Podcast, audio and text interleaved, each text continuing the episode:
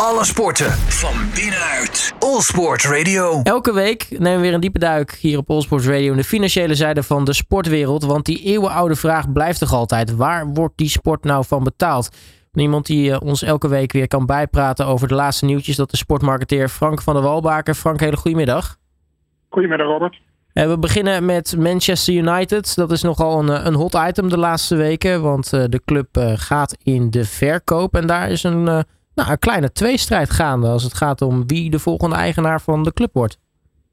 Ja, voorspelbaar in de wereld van vandaag. Hè. In de strijd om de overname van Manchester United is natuurlijk hot nieuws in potentie natuurlijk uh, de grootste club van de wereld is het op dit moment niet helemaal, maar kan het zeker weer worden. Er zijn er op dit moment uh, twee, ja, je zou kunnen zeggen twee honden die vechten om een been, maar er is nog geen derde die daarmee heen loopt. We hebben het overigens wel over een bedrag van om en nabij de 6 miljard dat de club moet opbrengen. Maar goed, ehm, in die strijd, die wedstrijd tussen twee partijen waar ik straks even terugkom, mengt zich een derde partij niet zozeer als overnamekandidaat, maar wel als een zeer belangrijke stem in de beslissing die van de twee straks de eigenaar gaat worden van de club. Uh, eerst even aandacht voor die, uh, die twee partijen. Uh, als het puur om het geld zou gaan, dan heeft kandidaat nummer 1 Qatar wellicht uh, een voorsprongetje, meer te bieden dan de tweede kandidaat. Maar dat is ook een zeer vermogende situatie, want het is ene meneer Sir Jim Radcliffe. En die meneer Radcliffe is de oprichter-eigenaar van het Ineos-concern. Nou, het Ineos-concern dat heeft zijn sporen al behoorlijk verdiend in de sport. Want ze zijn niet alleen eh, naamgever en eigenaar van de wielenploeg, gelijknamige wielenploeg. Ze zijn voor 30% uh, aandeelhouder in het uh, Mercedes Formule 1-team. Ze zijn, uh, uh, of hij is eigenaar van de voetbalclub OGC Nice in Frankrijk en FC Lausanne in Zwitserland. En hij is ook nog eens de hoofdsponsor van de America's Cup in het zeilen, de boot van, uh, van Groot-Brittannië die meedoet in die strijd. En daar sponsort hij voor 120 miljoen pond. Dus alles bij elkaar ook voldoende sporen al verdiend in de sport. En zeker kapitaalkrachtig genoeg, want hij wordt ingeschat voor een waarde van 13 miljard pond. En hij zegt zelf, en dat zal ongetwijfeld zo zijn ook, dat hij al van kinds af een groot fan is van Manchester United. Dus het zijn allebei wel serieuze kandidaten.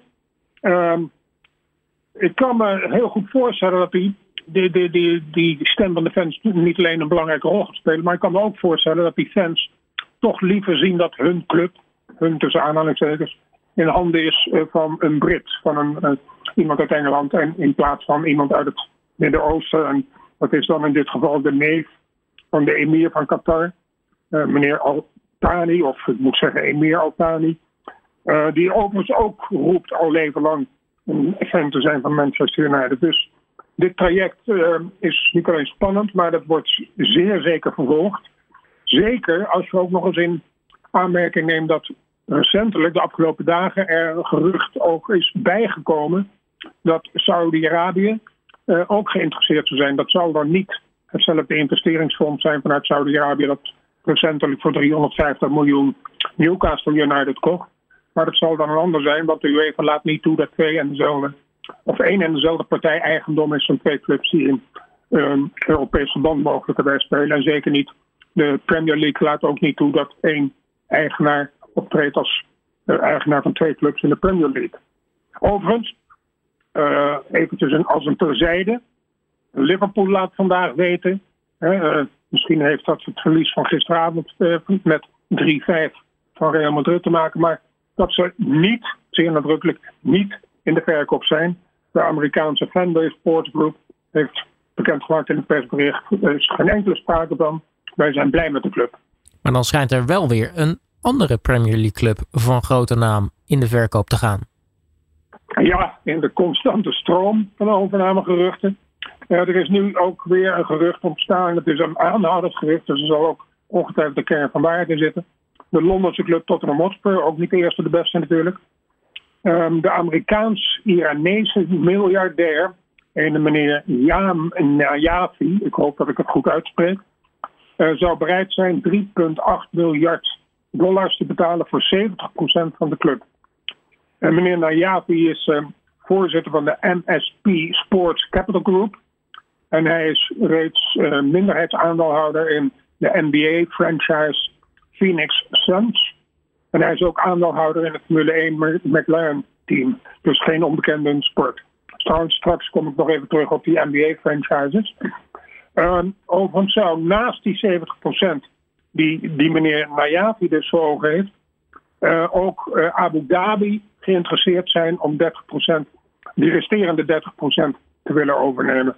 Nou, dat zou dus dan de Londense Club Tottenham in zijn totaliteit in andere handen overdragen. Als we het hebben over sponsoring kun je natuurlijk vanuit de verschillende hoeken en branches partijen vinden. Uh, een partij die nou ja, behoorlijk is opgekomen eigenlijk sinds dat we deze podcast gestart zijn in de coronaperiode. Dat is natuurlijk de cryptowereld. maar ja, hoe snel ze ook opgekomen zijn, zo snel lijkt het strijdtoneel ook weer te gaan verlaten. Eigenlijk samen met gokbedrijven, want ook die bevinden zich op dit moment in nou ja, lastig vaarwaard als het gaat om sportsponsoring.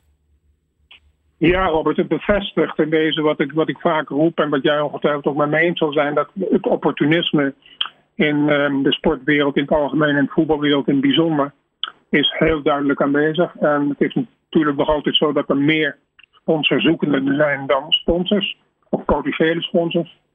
Dus als een crypto-bedrijf zich meldt uh, en zegt veel te willen betalen, ja, dan zwicht de sportwereld en de voetbalwereld voorop uh, natuurlijk gauw. Um, maar dat die cryptowereld geen lange adem zou hebben in de sponsoring van sport werd door velen voorspeld. Het is te speculatief allemaal. En het lijkt ook waarheid te worden. Hè? Want vele, met name cryptobedrijven, zijn inmiddels met stille trom vertrokken van het sportsponsorfonds. En hier en daar natuurlijk veel ellende achterlaten. Um, zo ook nu in Madrid, uh, Atletico Madrid, waar nog geen half jaar geleden met veel tromgeroffel en evenveel trompetgeschal uh, de cryptocurrency exchange Whalefin uh, uit Singapore op het shirt van de club verscheen. Voor een bedrag van 40 miljoen euro per jaar en ze hadden voor vijf jaar getekend. Uh, hetzelfde bedrijf, Whalefin dus, stond overigens ook al op de mouw bij Chelsea in Londen voor 20 miljoen pond per jaar. Maar die deal die moest ook al in januari, afgelopen januari, worden opgezegd. Um, bij Atletico is dat vijfjarig contract nu alweer verbroken. Maar de club is wel zo uh, verstandig geweest om bij het tekenen van het contract uh, in uh, afgelopen jaar hebben ze wel geëist dat het voor het eerste jaar onmiddellijk het volle bedrag voor dat jaar betaald zou worden. Dus ze zijn tot het eind van dit seizoen komen ze niet in de ellende, maar ze zijn, moeten nu wel koortsachtig op zoek naar een opvolger van Wilfin. Nou, ik denk dat een club als Atletico Madrid niet al te veel moeite zal kosten. Want het is natuurlijk toch een club die behoort tot de top elite van Europa. En geldstromen vanuit het Midden-Oosten, ze zijn nogal talrijk in de sport de laatste tijd. Um, ook weer een aantal nieuwe hoofdstukken erbij. Uh, zo gaat bijvoorbeeld Saoedi-Arabië investeren in, jawel, de Indiase cricketcompetitie. Ja, uh, we hebben het natuurlijk heel vaak over die enorme geldstromen die vanuit het Midden-Oosten, met name de laatste tijd vanuit Saudi-Arabië, naar de Europese, met name Europese sport vloeien. De miljarden vliegen hier over tafel. Hè. Vroeger hadden we het over miljoenen, maar tegenwoordig hebben we het eigenlijk alleen nog maar over miljarden. Mm -hmm. het, is, ja, het is een middel geworden voor een land als Saudi-Arabië om zichzelf als land, als modern en ja, toonaangevend om woorden te gebruiken die ze zelf gebruiken in hun persberichten. Om die landen op de wereldkaart te zetten, anders dan uh, op woestijnstaatjes met toevallig veel olie en gas. Um, en die nieuwste ontwikkeling, die haalde jij al aan, Robert, is bijna uh, een, hele merkwaardige. Want je verwacht ze dan in het voetbal of in andere grote sporten. Maar het is nu dat Saudi-Arabië heeft een kleine 10 miljoen dollar ja, dan heb je nog maar 10 miljoen. Dat is voor Saudi-Arabië een klein bedrag natuurlijk. Maar het gaan ze stoppen in de Indiase Premier League Cricket.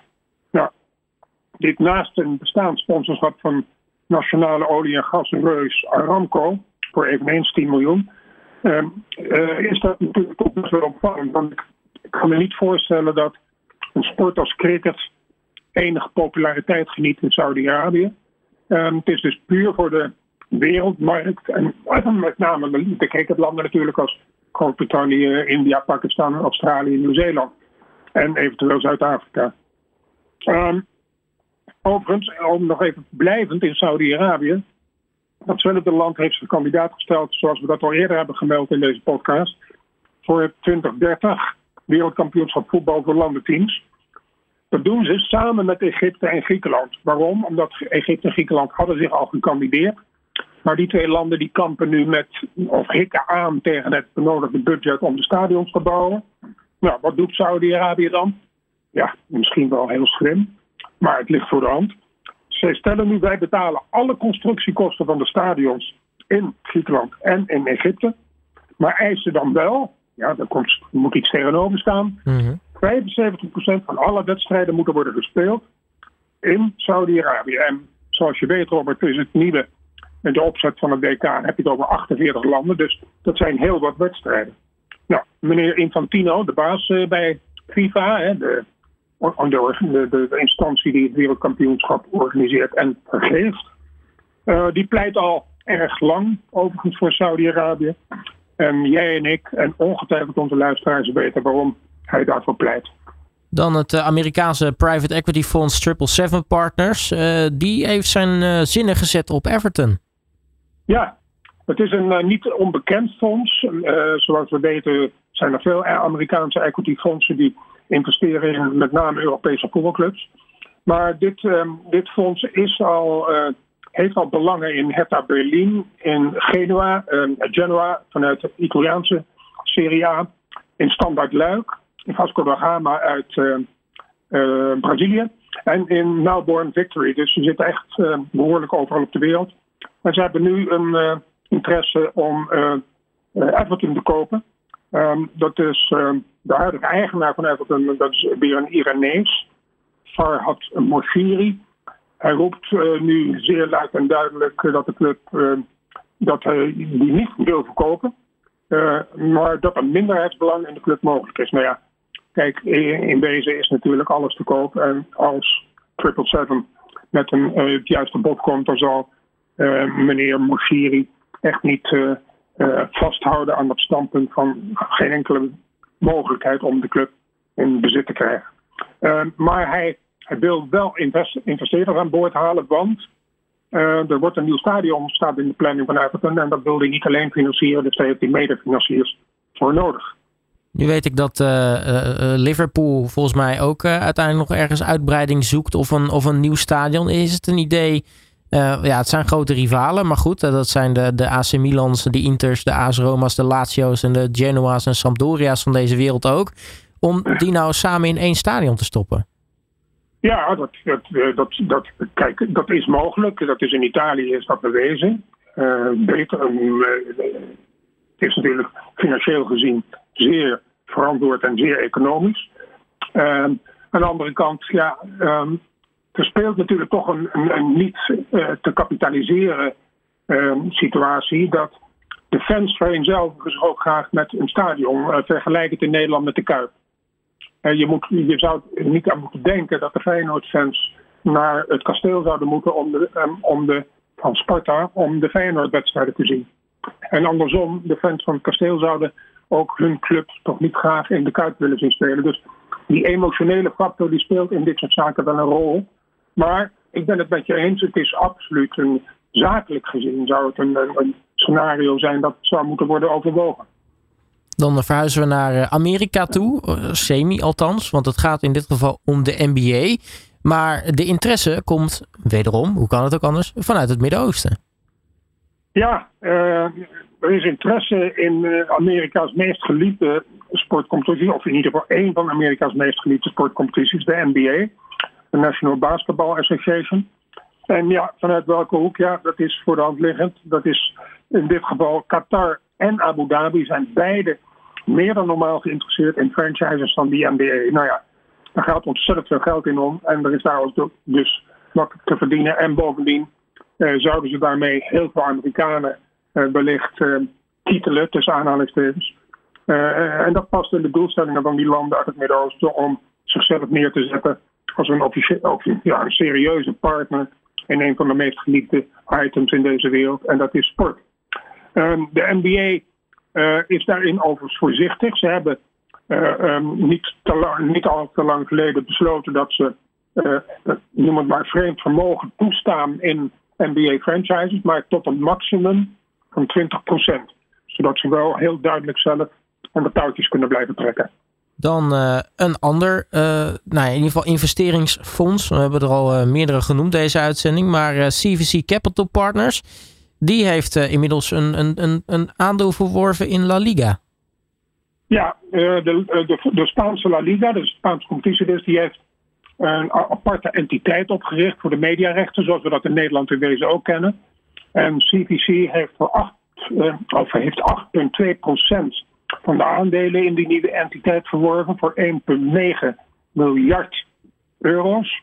Uh, het betreft dan aandelen in die entiteit die de rechten heeft van de komende, voor de komende 50 jaar van zowel nationale als internationale uh, mediarechten. CBC is geen vreemde natuurlijk op sportgebied.